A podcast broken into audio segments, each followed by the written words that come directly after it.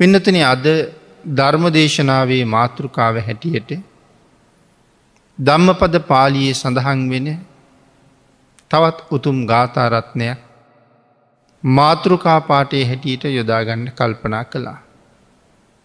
අපේ බුදුරජාණන් වහන්සේ රජගහනුවර වේළුවනාරාමය වැඩඉන්න කාලි බිම්බිසාර මහරජ්ජුරුවන්ගේ අග්‍රමහේෂිකාව වුණ කේමා බිසව අරමුණු කරගෙන දේශනාකොට වදාළ ගාථාවක් තමයි ඒ ධර්ම මාතෘකාව කරගන්න බව සිහිපත් කළේ. ඒ රාග රත්තානු පතන්ති සෝතන් සයන් කතන් මක්කට කෝව ජාලාලා. ඒතම්පි චෙත්වාන වජහන්ති දීරා අනපෙක්කිනෝ සබ්බදුකං පහාය. බිම්බිසාර මහරජ්ජුරුව බුදුරජාණන් වහන්සේට ගොඩාක් සමීපදායකෙක්. ලොවතුරා බුද්ධත්වය ලබන්ඩත් කලින් මහබෝසතාණන් වහන්සේට තමන්ගේ මුළු රාජ්‍යම බොහොම සත්තුටු සිතින් පිළිගන්නවපු කෙනෙ. නමුත් බෝසතාණන් වහන්සේ බිම්බිසාර මහරජ්ජරුවන්ගේ රාජ්‍ය ප්‍රතික්ෂේප කලාට පස්සේ නැවත ආරාධනාවක් කළා ස්වාමීනී ලොවතුරා බුදුවනාට පස්සේ. ඉස්සරලාම බුදුරජාණන් වහන්සේ මගේ රාජ්‍යයට වඩින්න කියලා. ඒ ආරාධනාවත් බුදුරජාණන් වහන්සේ භාරගත්තා. එතකොට බෝසතාණන් වහන්සේ. ලොවතුරා බුද්ධත්වය ලැබුවට පස්සේ රජගහනුවරට වැඩමකොට වදාලා. බිම්බිසාර මහරජ්ජුරුව තමන්ගේ මංගල සම්මත උයන බොහොම චිත්ත ප්‍රීතියෙන් බුදුරජාණන් වහන්සේට පූජ කළා. ඒ උයනේ නම වේලු වන. වේලු කියල කෙන උනගස්වලට. මේ උයන සම්පූර්ණයෙන්ම උන වනාන්තරයක් වගේ. ඉතාමත්ම නිශ්ශබ්දයි බොහෝම සිසිලයි භාවනා යෝගීන්ට ඉතාම හිත කරයි. මේ වටිනා උයන බුදුරජාණන් වහන්සේට පූජා කරලා බුදුරජාණන් වහන්සේ වෙනුවෙන් මේ උයනේ පන්සලකුත් හෙදවා. අපේ බුදුරජාණන් වහන්සේ අන්න ඒ පන්සලේ වැඩඉන්න කාලෙ තමයි මේ ගාථාරත්නය දේශනාකොට වදාලි. ඒ පන්සල හැඳින්වේ වේළුවනාරාමය කියලා. බිම්බිසාර රජ්ජුරුවන බුදුරජාණන් වහන්සේගෙන් බණහල සෝවාන් වුණා. සංසාරය අනාධිමත් කාලයක් කරගෙනාපු අකුසල ධර්මය සතරාපායට ගෙනියන්ට තියෙන අකුසල් ඔක්කෝම රජ්ජුරුවෝ ප්‍රහීන කරගත්තා. නැති කරගත්තා. සෝවාන් උන එකේ තියෙන ප්‍රධානලාභයක්. නැවත කවදාවත් සතරාපායට යන්නෙත් නෑ මෙතෙක් සතරාපාය උපදින්න කරගත්ත අකුසල ධර්මයන් තියෙනවනම් සෝවාන් වෙනවත් එක්කම එ සියලු මකුසල් අහෝසි වෙලාම යනවා. සෝවාන් වහන්සේ කවදාවත් අයි නිරයට යන්නේ සතරපායට යන්නේ නෑ. මෙලොව විඳින යම් දුකක් තියෙනවනම් ඒටික තියෙනවා.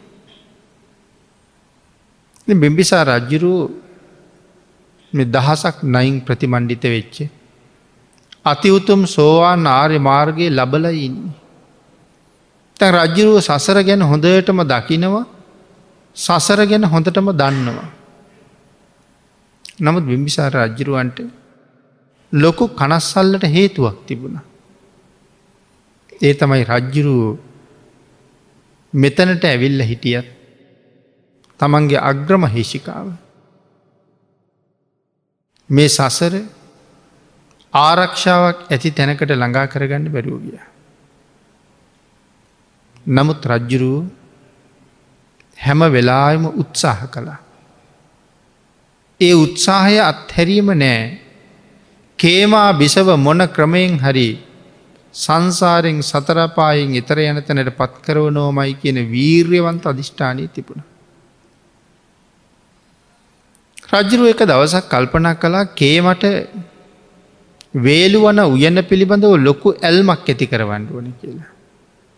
මොකද කේම බිසව යන්නේ නි බුදුරජාණන් වහන්සේ ගාවට රූපයට නිග්‍රහ කරනවා කියලා.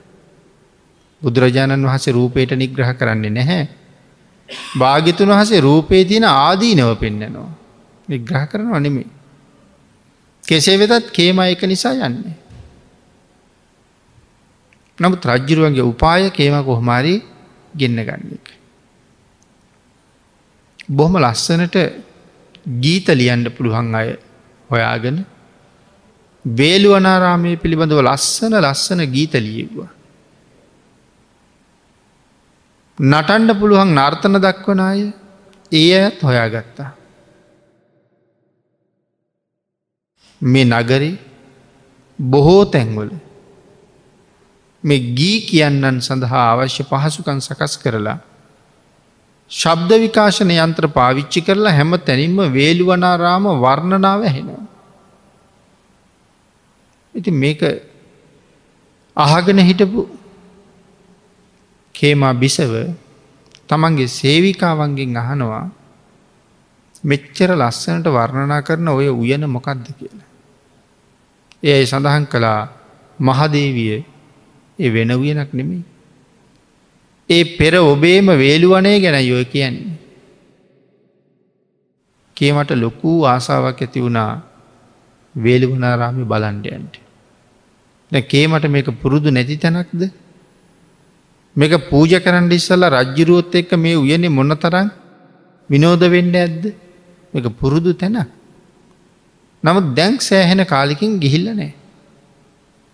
එහින්ද කේම පහුවදා තමන්ගේ සේවිකාවොත් එක්කරගෙන වේළුවනරාමිට ගිය.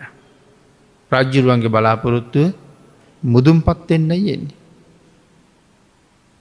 ඇය ප්‍රධාන වාහල්කඩෙන් ඇතුල් වුණා. බුදුරජාණන් වහන්සේ සිව්වනක් පිරිස පෙරටු කරගෙන ධර්ම දේශනා කරනවා. කේම ඇත තියාම දැක්කේ මහා පුදුම සහගත සිද්ධිය. කේම අහලා තියෙන්නේ බුදුරජාණන් වහන්සේ රූපයට නිග්‍රහ කරනවා කියලා.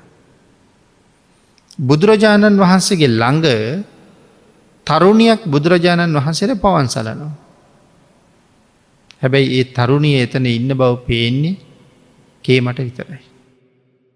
තරුණියක් එතන ඉන්නවා කියලා දන්නේ කේමයි බුදුරජාණන් වහන්සේ විතරයි. වෙන කවුරුවත්ම දන්නේ. කාටවත් පේන්නෙත් නෑ. එතකොට මේ තරුණිය කිවේ භාගිතන් වහන්සේ මවාපුරුවක් එතන තියෙන්. හැබැයි ඒ රුව මවනකොට කේ මගේ මානය නැතිවෙන්ඩම වැැව්වා. ඇය දාසේ හැවිරි දිවයිසි වගේ. කේම දැක්කා බුදුරජාණන් වහන්සලක පවන්සලනවා. කේමට දැන් තමන් පිළිබඳව තියෙන බැඳීමක්නේ මම ලස්සනයි. කේමට තියෙන්නේ ඔය උපාදානය. නමුත් අර රූපය ලස්සනයි කේමට හිතෙනවා ඇය ළඟ මම කොයි තරන් දුප්පද්ද. රුව ලස්සනින්. ඇගේ රුවත් එක්ක සංසන්ධනය කරනකොට මගේ රුව හරියට වැඳිරි රුවක් වගේ. කේමගේ මාන හොඳටම බිඳිලා. කේම ඇහැ අහකට ගන්න නැතුවම අර රූපය දිහා බලාගෙන ඉන්න. දැන් බුදුරජාණන් වහස දන්නවා කේම බැඳිල මේකට. කේමගේ තන්හාාව දැන්තියන්නේ තමන්ගේ රූපයට නෙමෙයි මැරිච්ච මලකඳට. එමනැත්තන් මවාපු රූපයට තමයි දැන් තන්හාාව තියෙන.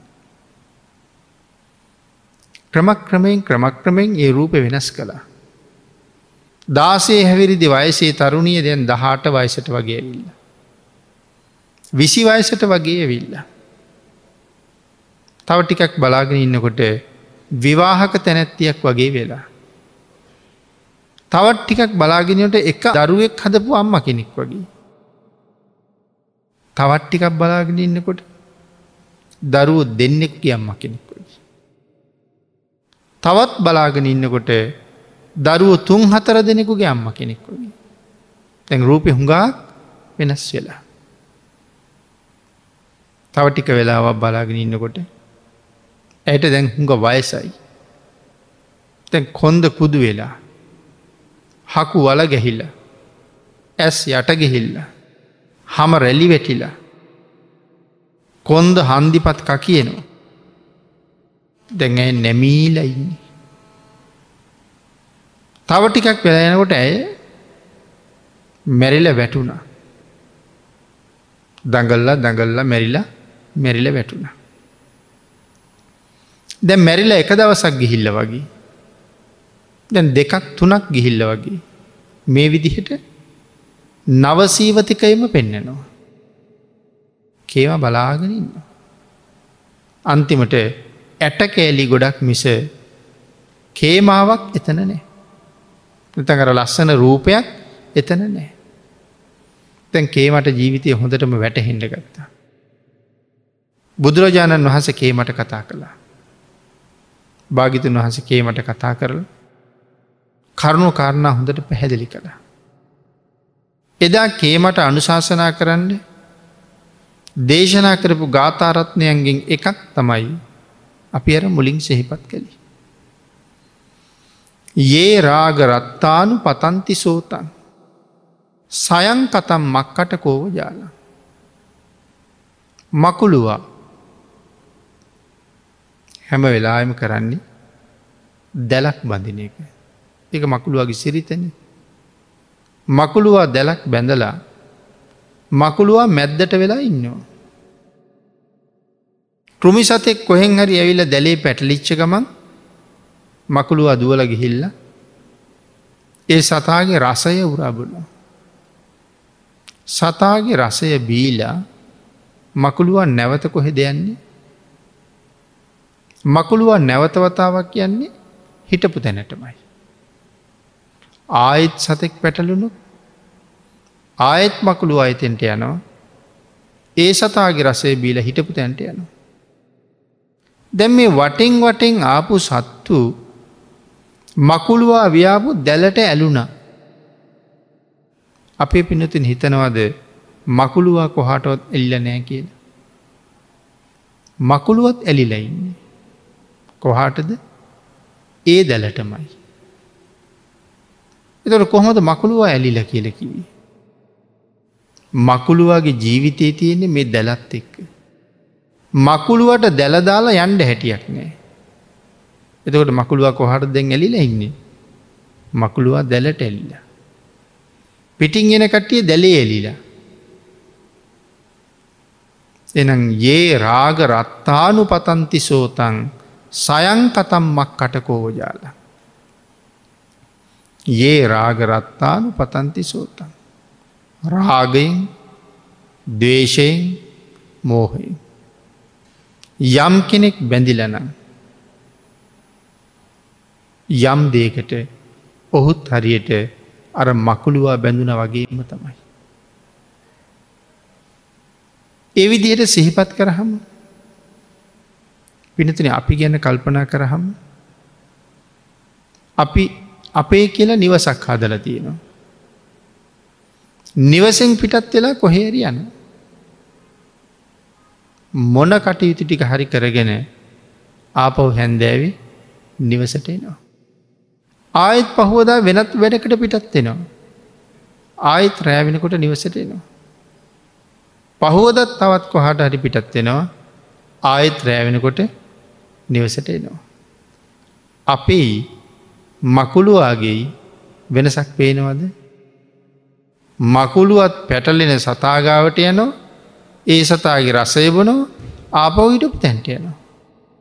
අපිත් ගෙදරින් එලියට බැහල වැඩකට යනවා ඒ වැඩ ටික ඉවර කරනවා අපව හැන්දෑවේ ගෙදරෙනවා. මකුළුවා දැලට ඇලිල අපිත් ගෙදරට එලිලා.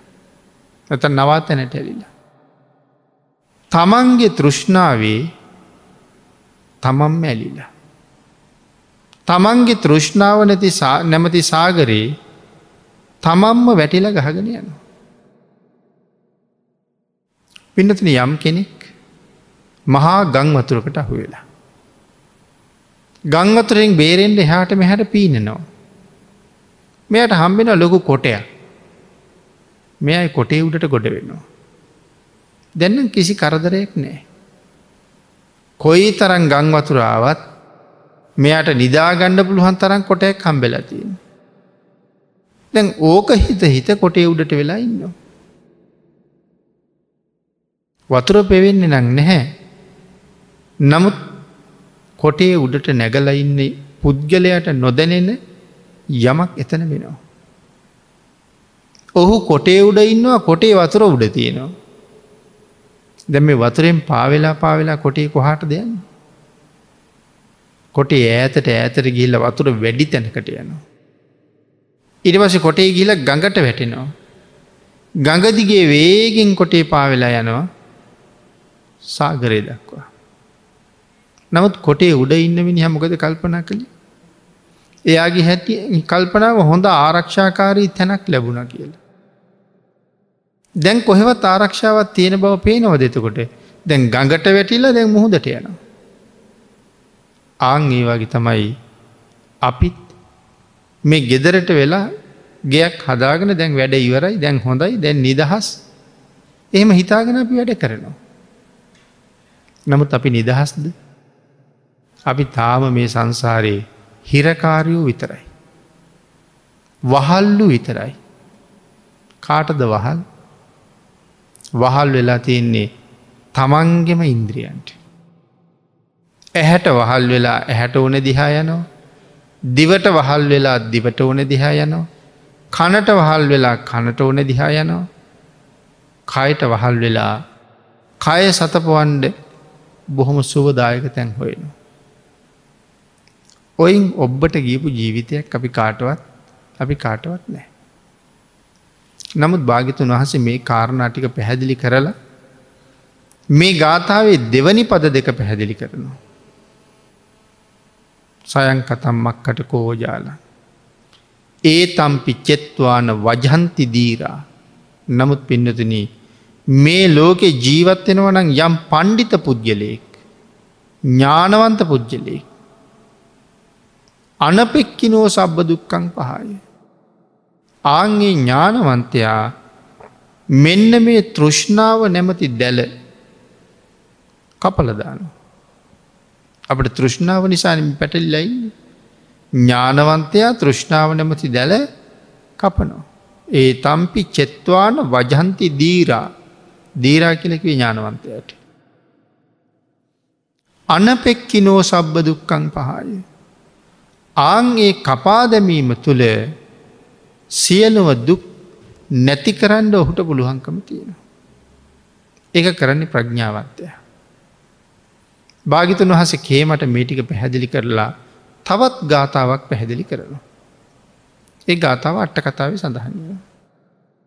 දැන් කේම කේමගේ රුවට ඇලිලා සමහරකට්ටිය ගෙදරට ඇලිල්ලා සමහර අය ඇඳුම්වලට ඇලිලා සමහර යානවාහනොලට ඇලිලා මිනිස්සු වැඩියෙන් ඇලිච්ච දේවල් තියෙනවානේ නැ කේම ඇල්ලා ඉන්න මොකෙටද රුවට භාගිතන් වහස කේමගේ රුව ගැන කියල දෙනවා.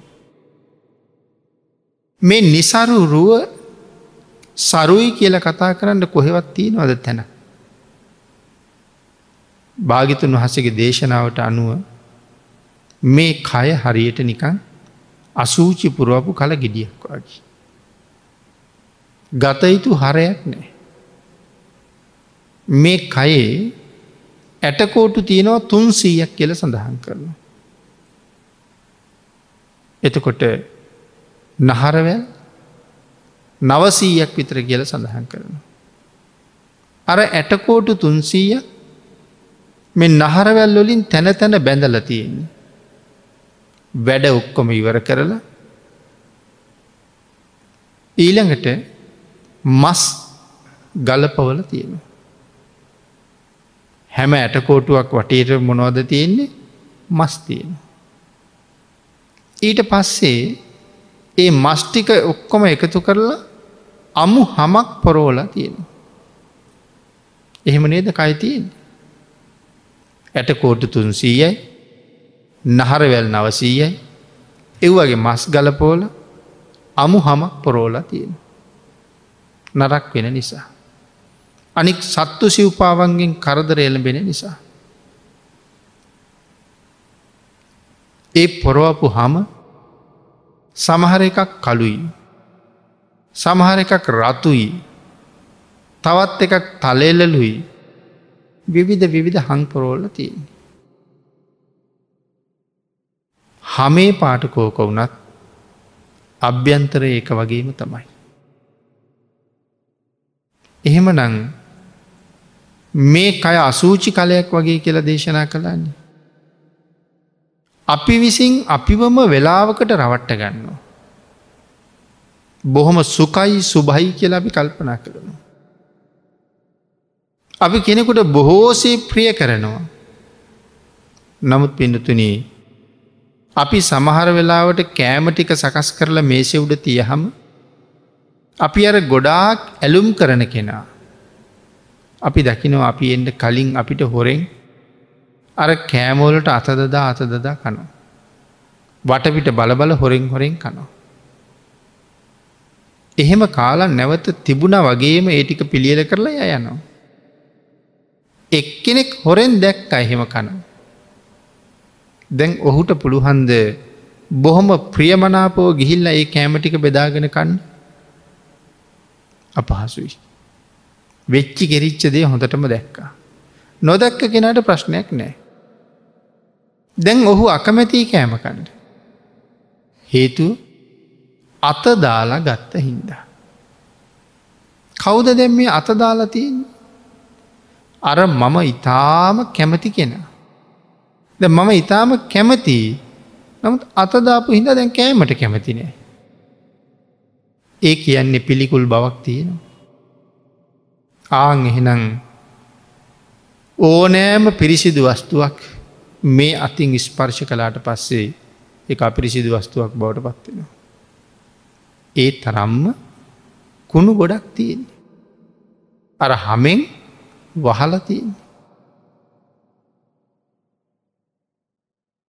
එතකොට අපි අතදාපු නිසාකමැති.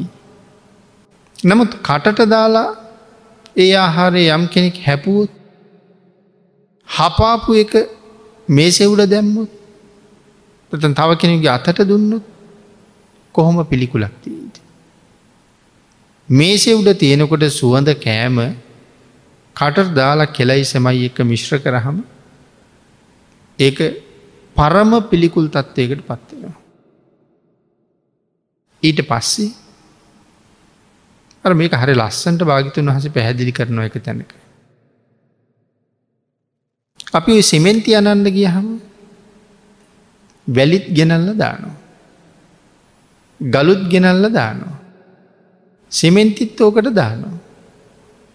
දාලා වතුරත් දානවා වතුරත් දාලා අර සවල අරගෙන කලවන් කරන. ඒ වැඩේම තමයි කට ඇතුළි කරන්නෙත් කියල සඳහන් කරන. බතුත්දානවා ව්‍යෑංජනත්දානවා තවත් තියෙන දේවල් දානවා ඊට පසේ කෙල සෙම කට ඇතුළෙන් එකතු වෙනවා සවලෙන් කරන වැඩේ දිවෙන් කරනවා ඊට පස්සේ ඔක්කොම අපහු ඇතුළට දාන. හැබැයි ඔය ටික දිවෙන් කලවන් කරලා ඇතුළට දාපු ආහාර ටිකනම් පරම පිළිකුයි. කැමතිම නෑ කෙනෙක් දකිින්ට.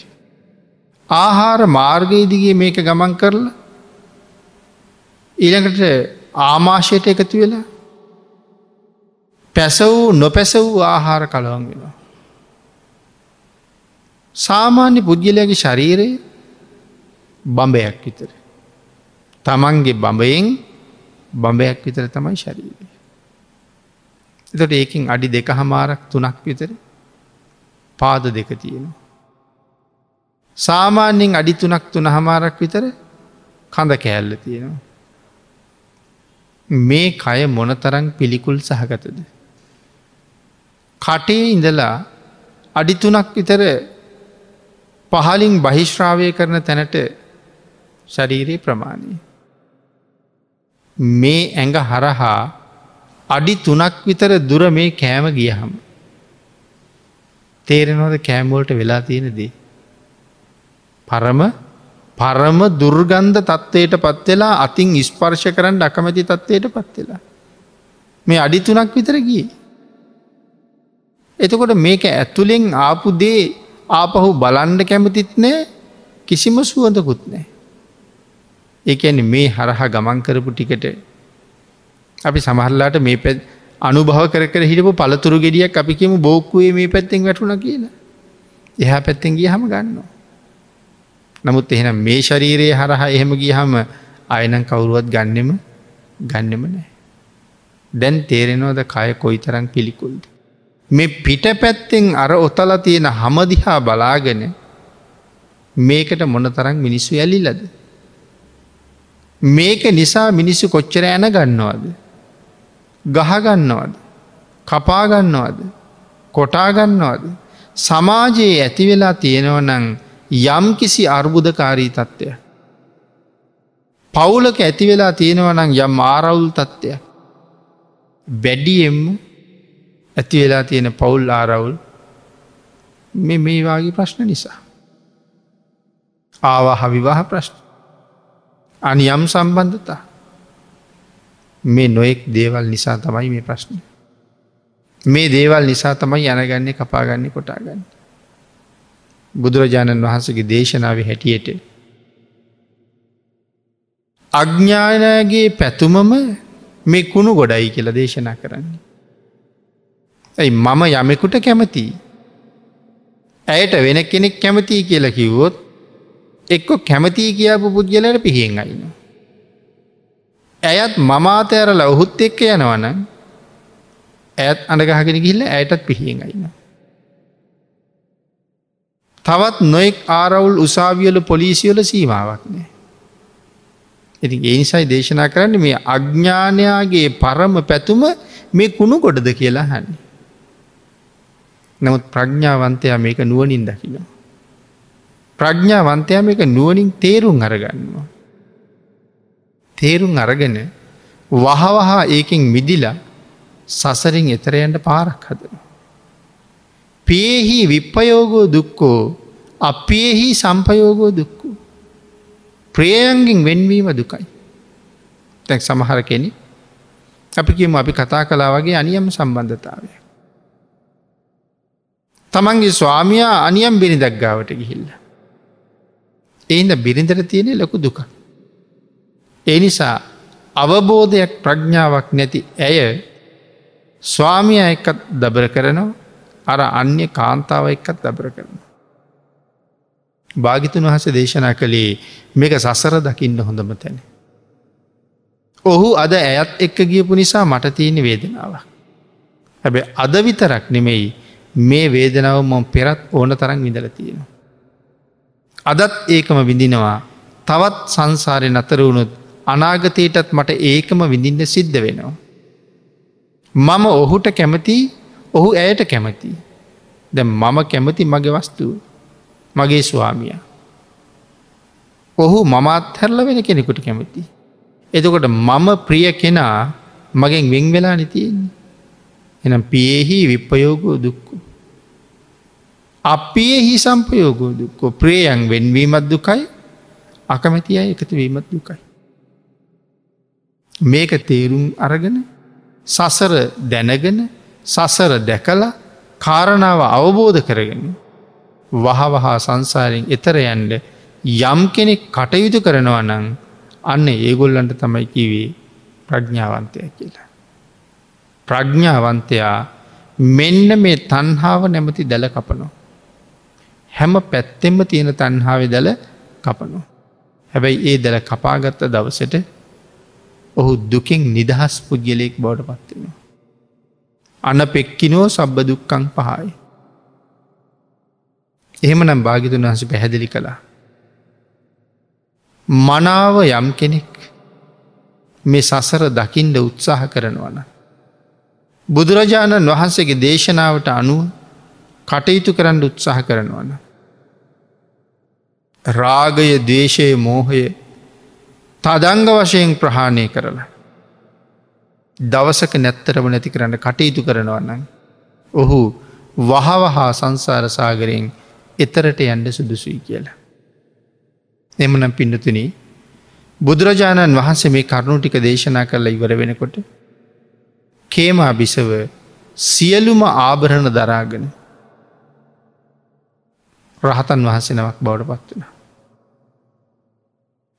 බුදුරජාණන් වහන්සේ බිම්බිසාර රජ්ජිරුවන්ට කතා කරලා රජ්ජිරුවන්ට සඳහන් කළා මහරජය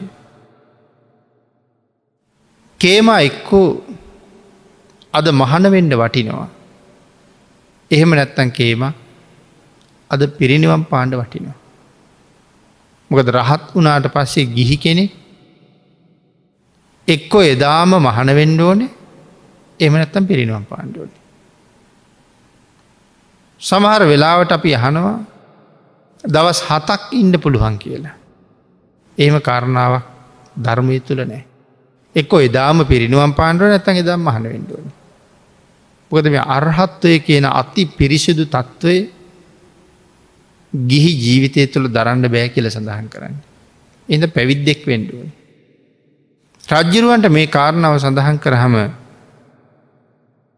රජ්ජරුවන්ට පුදුම සතුට. ගොද රජ්ජරුවන්ගේ එකම බලාපොරොත්තුව මේකන කේම ඉහලට ගේන එකන. නමුත් දැ බිම්බිසාර රජ්ජුරුව සෝවාන් වෙච්ච කෙනෙ. කේම මේ වෙනකොට රහත් වෙලයින්න.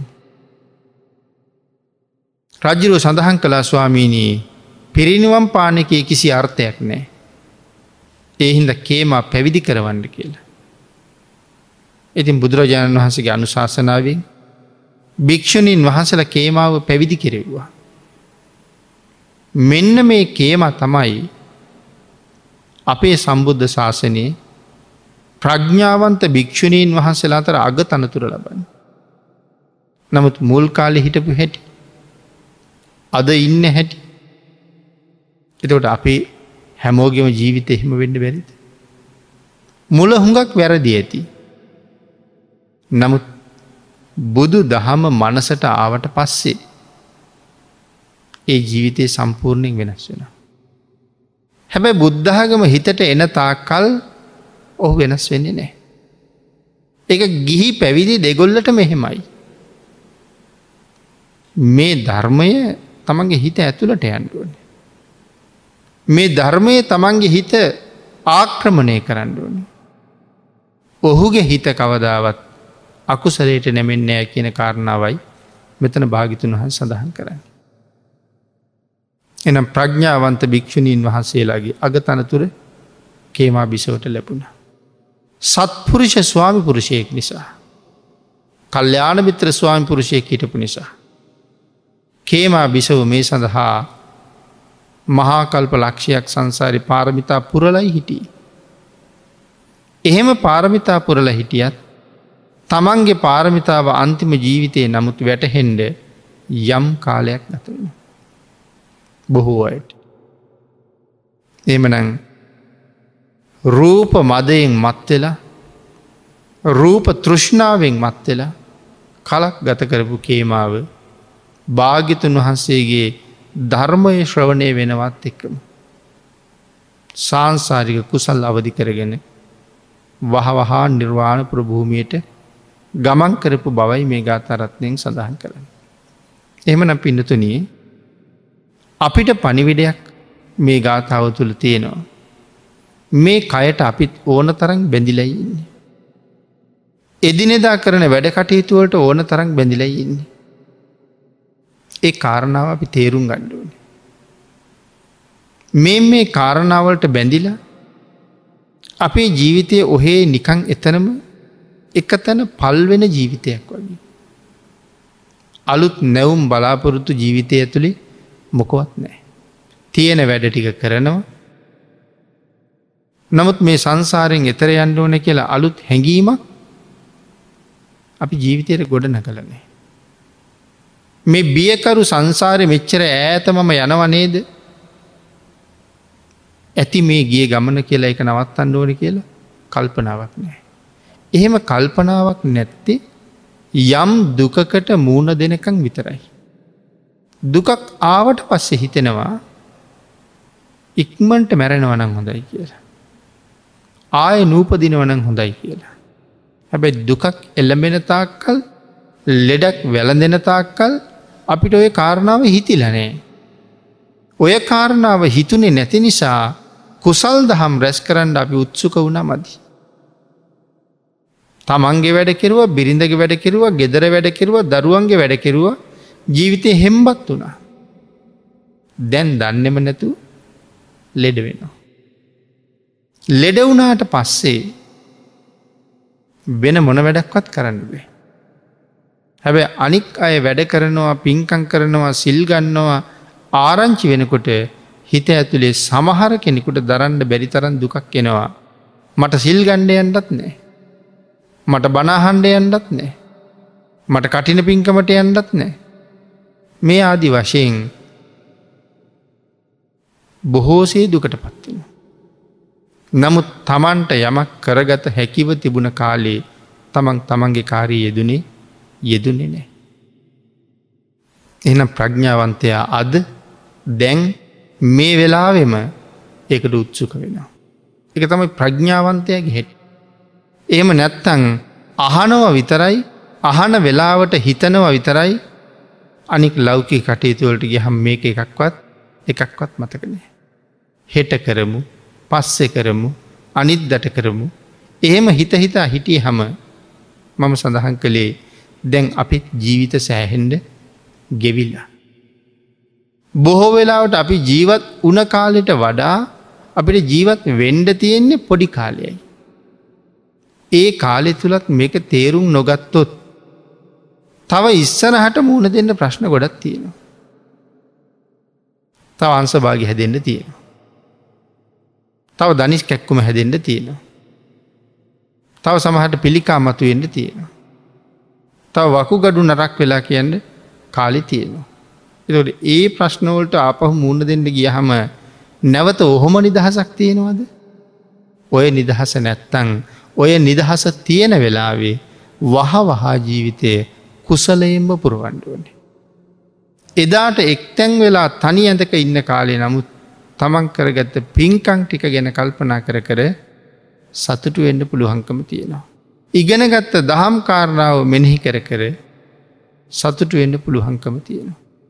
ආං ඒක නිසා කිසිම දෙයක් හෙටට කල් නොතියා අදම දැන්ම වහාම වීරයෙන් යුක්තව මේ භයානක සංසාරසාගරයේ තරණය කරන්න සසරට ඇලිල්ල බැඳිලා ඉදින මේ කෙලෙස් මුල් ටික ටික ගලවලා උදුරලා අයින් කරන්න වීරය වඩන්ඩ මේ රැස් කරගත උතුම් කුසලය ආශිර්වාදයක් පාරමිතාවක් වේවා කියල කල්පනා කරනවා.